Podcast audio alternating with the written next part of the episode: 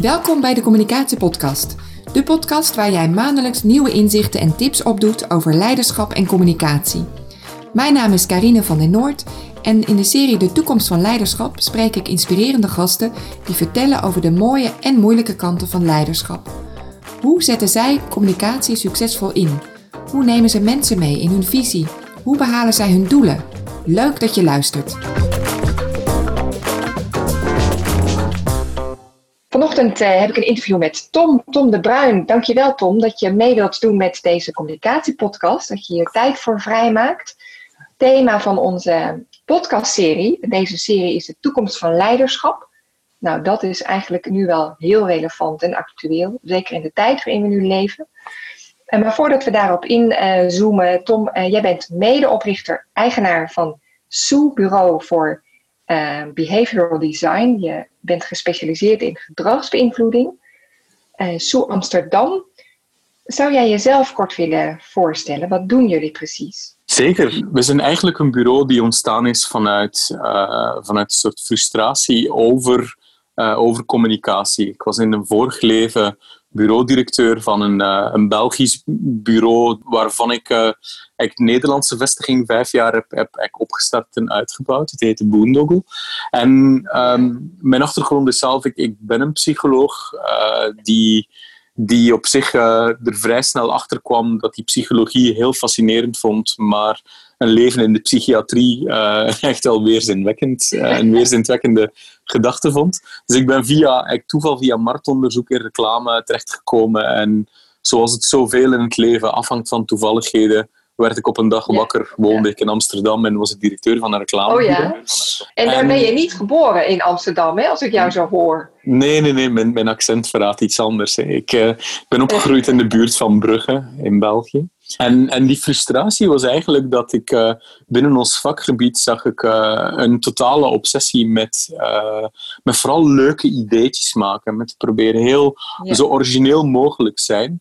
Terwijl niemand, ja. de, laten we zeggen dat de helden van het reclamebureau, dat waren de creatieven. En die moest je vooral ja, ja. Be bepamperen en moest je ruimte geven om, om het geniale, originele idee te laten geboren worden. Maar niemand stelde zich eigenlijk de vraag van, ja, maar hoe kunnen we, wat, wat, is eigenlijk de essentie van wat wij doen? En die essentie is niet leuke ideeën ontwikkelen. De essentie zou moeten nee. zijn om, um, om uiteindelijk bij te dragen aan voor je klanten ja, um, te helpen om, om hun klantgedrag beter te beïnvloeden. En dat was constant een dus soort... het idee moet iets gaan doen. Ja, ja, absoluut. Ja. En ik, ik, ik vond dat er echt een soort totaal gebrek aan, aan interesse en een know-how was over hoe werkt dat spelletje. En tegelijkertijd zag ik, dat was echt rond um, 2010, 2011, was er buiten het vakgebied van, uh, van communicatie een enorme interessante nieuwe beweging. En dat was de Lean Startup beweging. En dan zag je in de technologie sector dat, uh, dat er een, een, een heel ander soort vibe was dan in de reclamesector. Die was echt uh, een vibe van alles wat, um, wat, wat ze vast konden nemen van, van psychologie, dat, dat werd gretig verslonden in die design- en UX-community. En iedereen was constant ja. bezig met experimentjes te doen om te proberen, letterlijk al experimenterend, proberen te achterhalen wat werkt beter dan, dan wat anders. En, en hoe kunnen we door, door middel van een beter begrip van hoe het brein werkt, betere communicatie, effectievere communicatie creëren die uiteindelijk tot gedrag leidt. En dat, dat vond ik gewoon uh, sowieso al qua mindset heel fascinerend, qua, yeah. um, qua methodiek heel fascinerend. En daar is eigenlijk Sue uit ontstaan. Dus met Sue zeggen wij van, van um, wij helpen onze klanten om hun producten en marketing uh, en communicatie te verbeteren op basis van gedragspsychologie. En dat doen we in heel snelle sprintvormen. Dus we, we doen een aantal interviews om te proberen het onbewuste van de doelgroep beter te begrijpen. En dan gaan we heel snel ideeën maken, ideeën prototypen en testen. Letterlijk binnen een, een, een traject van tien dagen kom je er op die manier achter van oké, okay, welk, soort, welk soort communicatie, welk soort prikkels moet je gebruiken om uiteindelijk door een beter begrip van hoe mensen echt denken en beslissingen nemen, uiteindelijk betere marketing en communicatie te creëren.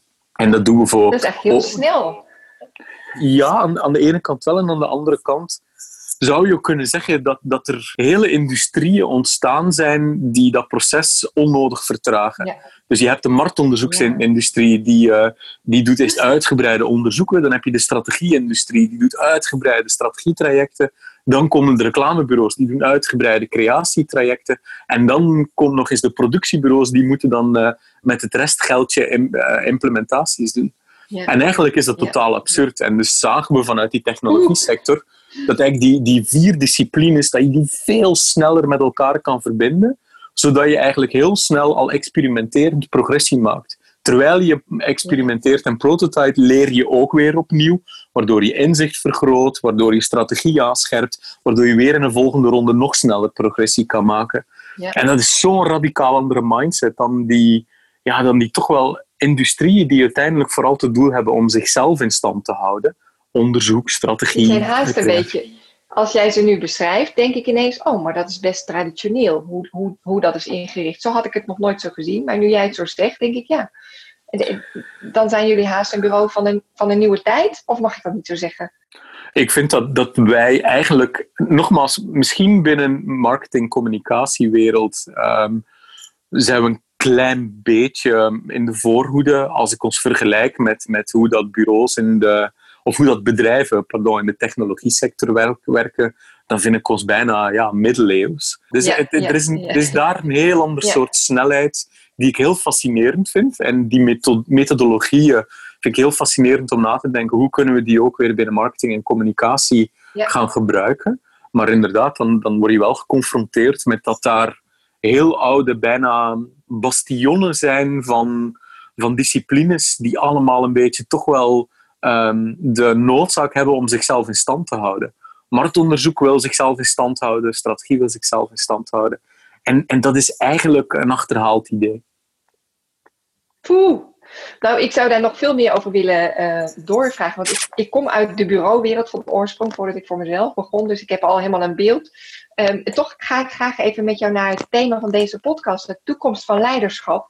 Mhm. Ehm, want als je nou kijkt naar de leiders uh, van tegenwoordig, de, mensen die leiding geven aan organisaties, bedrijven, wat moeten zij weten over gedragsbeïnvloeding? Ja, alles. Uh, in mijn gevoel moet een, een goed leider is een groepspsycholoog. Kijk, de taak van een leider in een organisatie of een leider van een team is uiteindelijk om het allerbeste uit een groep mensen te halen om, het, uh, om ervoor te zorgen dat de groep het individu overstijgt en het groep een uh, creatieve en intellectuele krachten bundelt, zodat er ja, high, zodat een high-performance team ontstaat. Dat is de echte taak van een goede leider.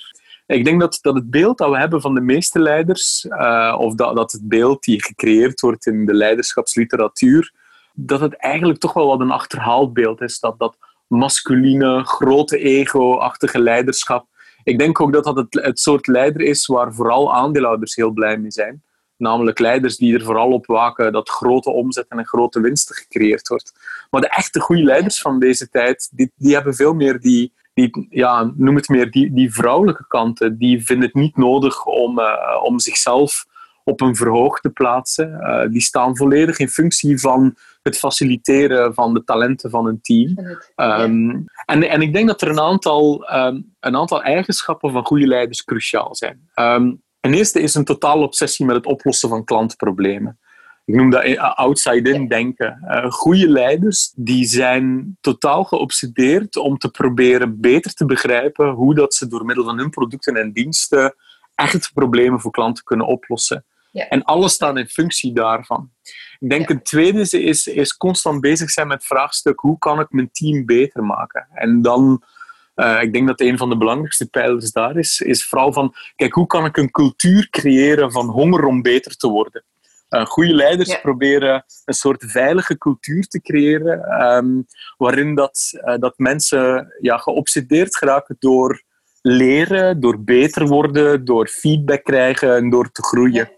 En dat is heel zelfvertrouwen krijgen. En daardoor het zelfvertrouwen krijgen, ook, ook uh, wanneer je heel negatieve kritiek krijgt. En dat is heel eng, maar een goed leider die installeert gewoontes waardoor dat, dat, dat eigenlijk het team even door de zure appel moet, maar gradueel mensen ja, er steeds eigenlijk wel comfortabeler mee worden. En eenmaal dat je voorbij het punt komt dat je, dat je niet meer in de eerste plaats gedreven wordt door pure gezelligheid in het team, maar dat je met z'n allen in een soort hongerige groep terechtgekomen bent, dan ontstaat een soort exponentiële um, ja, groeicurve voor een team. Niks is, is waanzinniger dan in een team terechtkomen waar iedereen erop gericht is om elkaar te helpen om beter te maken. Ja.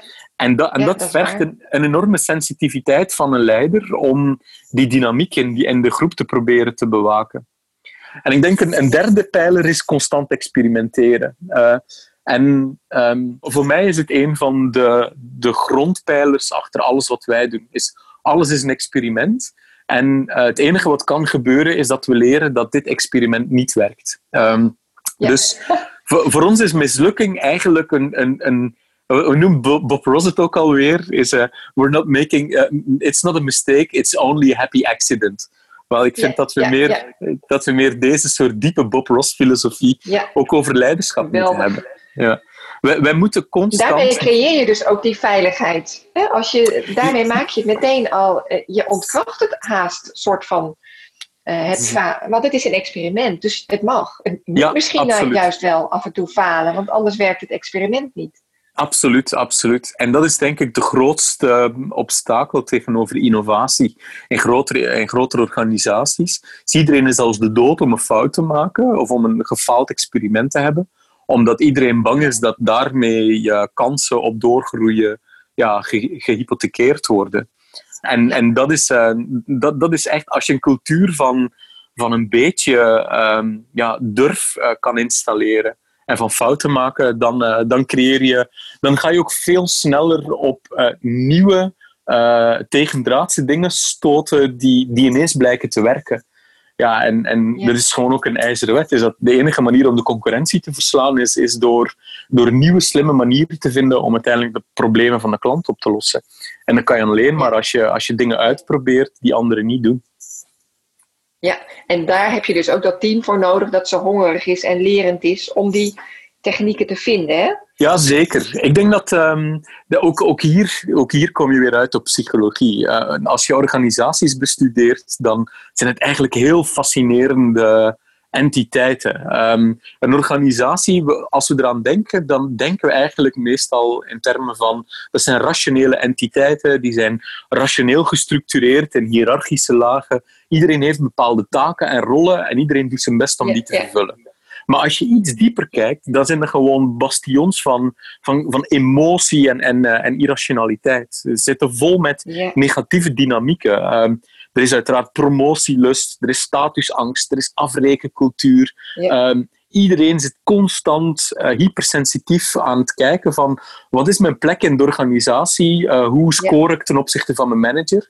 En een goede leider moet daar heel sensitief van zijn dat hij puur al door het feit dat hij de baas of de manager is, eigenlijk al dat soort gedrag uitlokt bij mensen.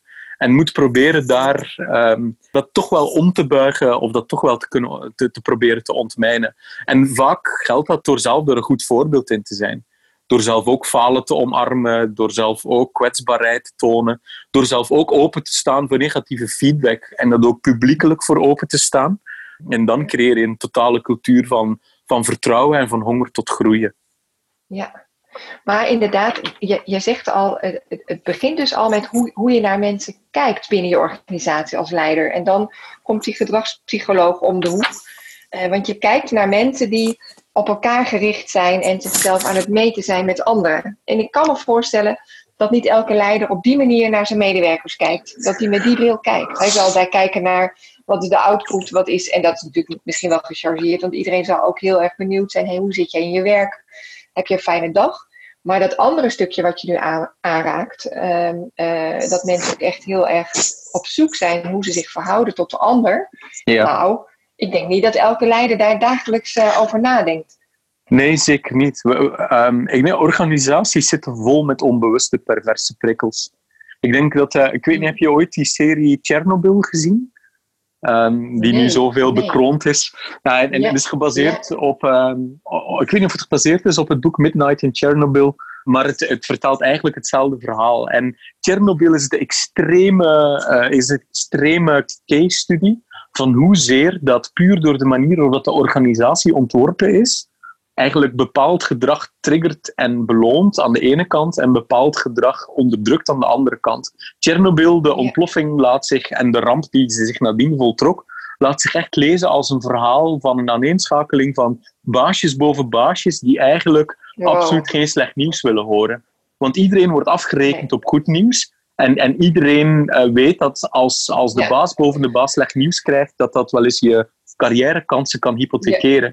Dus wat, wat gebeurt er daardoor? Is dat iedereen zit alleen maar te proberen goed nieuws te creëren, waardoor je een totale cultuur van middelmatigheid creëert. En, en dat zie je in, in veel organisaties. Uh, dat mensen zich niet bewust zijn van hoezeer het, het innoverend vermogen, het experimenterend vermogen totaal onderdrukt wordt, omdat nu eenmaal iedereen ehm, afgerekend wordt op cijfers, op, uh, op groeicijfers, op salesresultaten.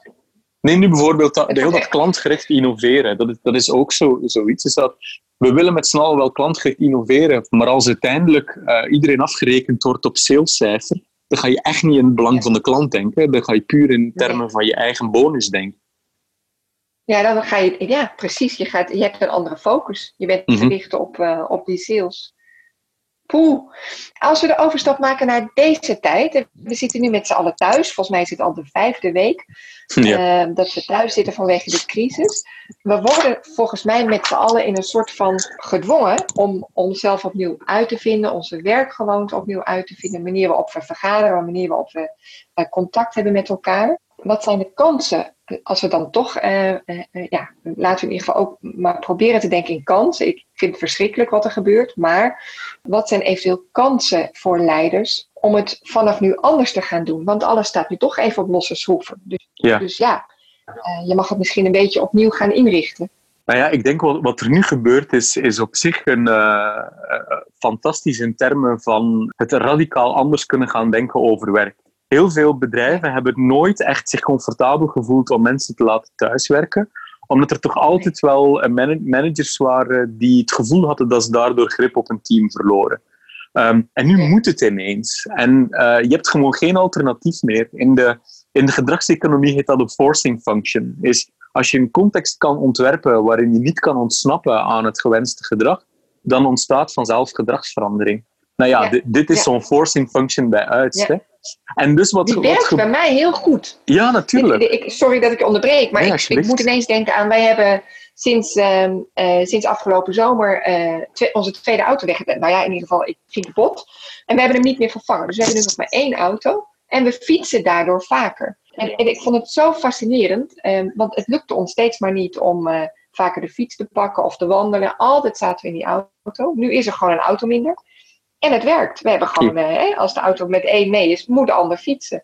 Ja, dat is wat je bedoelt, hè? Ja, ja, je haalt iets weg en dan moet ja. het. En dan moet het. En, en nu hebben we hier hetzelfde. En nu zijn we in snel trendtempo een aantal dingen aan het leren. Namelijk dat één, Teams wel degelijk ook via goede videoconferencing tools uh, heel productief kunnen zijn. Ook het gevoel kunnen behouden van met elkaar verbonden te zijn. We leren ook dat we nu ineens beseffen hoeveel tijd we ook verliezen op kantoor aan onnodige interrupties, uh, onnodige klets. We, we, we, ontdekken nu pas hoeveel tijd we kwijt zijn op een dag door in de file te gaan zitten.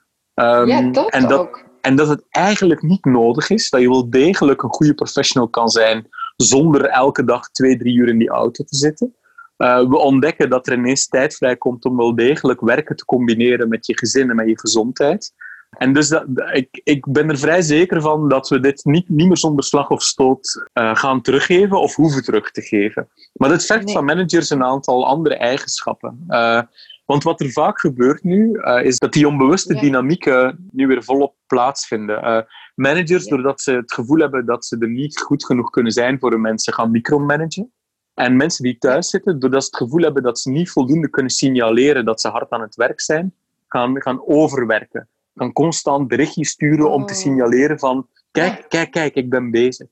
En ook hier heb je weer... dat gedrag. Ja, ja, zeker, zeker. Dat, dat, dat statusangst in organisaties speelt enorm mee. Dus ook hier heb je weer het belang van, van goed leiderschap, die ervoor zorgt dat, dat dat ondermijnd wordt. Dat er heel helder wordt afgesproken van, kijk, je wordt op deze uitkomst beoordeeld en I don't give a damn als je er twee uur over doet of een volledige dag. Morgen wil ik deze deliverable van je zien. En als je dat redelijk kan doen, en als je door constante feedbacklijntjes, al is het maar kort elke dag vijf minuten, wij doen een, een daily stand-up van vijf minuten, dan kom je heel snel achter van, lukt het of lukt het niet, of moeten we bijsturen? En dus ehm, Het, we hebben juist nu behoefte aan, aan managers die, ja, die meer managen bij output dan dat ze managen bij, uh, bij vooral gewoon constant aan het gevoel te geven van, van dat we keihard aan het, aan, het, aan het werken zijn. Ik denk dat we de helft van de tijd op kantoor aan het invullen zijn door constante status signaleren naar elkaar dat we heel hard aan het werk zijn. Oh, oh confronterend wel, hè? Ja, ja zeker. maar ja, maar inderdaad, en hoe snel en, hoe snel en effectief je kan schakelen, even zo. Uh, nou, ook, ook deze podcast. We pluggen in uh, vijf minuten voor het gesprek en we, we nemen een podcast op. Ja, precies. Uh, en anders zou ik toch zou ik in de trein naar Amsterdam zijn gegaan. Dus het is aan alle kanten is het super effectief en efficiënt. En je zegt eigenlijk als leider, zie je het voordeel van in en, en kijk hoe je je mensen hierin ook weer dat veilige gevoel kan geven van het is goed. Jij bent thuis aan het werk en ik, ik ben blij uh, als dit resultaat is, is het helemaal goed. Dat gevoel. Absoluut. Absoluut. En ik denk dat, dat, we, dat we tegelijkertijd ons bewust moeten zijn dat, we, dat ook nog een paar dingen opgelost moeten worden. Dus mensen geven ook aan. We zijn nu trouwens met een onderzoek daarover bezig. Die gaat, uh, denk ik, begin volgende week uh, gewoon gepubliceerd worden. En dan zien we dat, dat mensen ook aangeven dat ze die factor van dat sociale connectie met je collega's,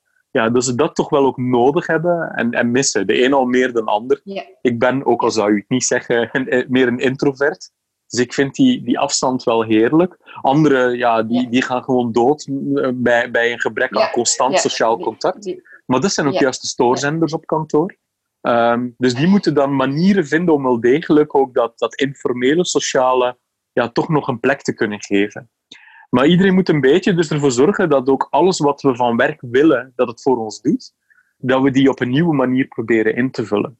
dus wel degelijk ook ons gevoel van verbondenheid, het gevoel dat we grootse dingen aan het doen zijn, het, gevoel dat we succeservaringen beleven. Uh, waarom zou je die niet even goed virtueel samen met je team kunnen beleven? Ja, en ben je nou niet uh, bang, of weet ik niet, maar lopen we niet de kans dat het straks, dat we allemaal weer terugschieten in het oude? Hè? Als we straks weer, uh, nou, uh, we spraken net uh, voor deze podcast even naar elkaar uit, het is ook wel weer fijn als deze hele zware periode voorbij is, dat het allemaal, ja, dat we in ieder geval onze huizen weer uit kunnen en naar elkaar toe. Ja. En dan natuurlijk met de voordelen die we nu hebben opgedaan van online, maar wel weer naar elkaar toe. Maar dan is er natuurlijk ook de kans dat we toch weer terugschieten in het oude uh, ja, dat, dat, gaat ook, dat gaat ook absoluut gebeuren. Wat ik denk is dat de slinger ergens in het midden gaat eindigen. Dus wat er gaat gebeuren is de eerste weken gaan we met z'n allen weer uh, ja, feesten alsof het 1999 is. Dan gaan we met z'n allen weer in de file gaan staan naar kantoor. Na een week gaan we denken van, what the fuck, wat zijn we aan het doen? Ja, en wat dan zitten we daar weer te doen? Ja, ja. En dan gaat het kwartje vallen en dan gaan we mensen tussenvormen gaan zoeken. Misschien wel later naar kantoor komen, misschien twee dagen naar kantoor komen. Maar we hebben intussen succeservaringen kunnen beleven door het anders te doen, door op een gedistribueerde manier met elkaar te werken.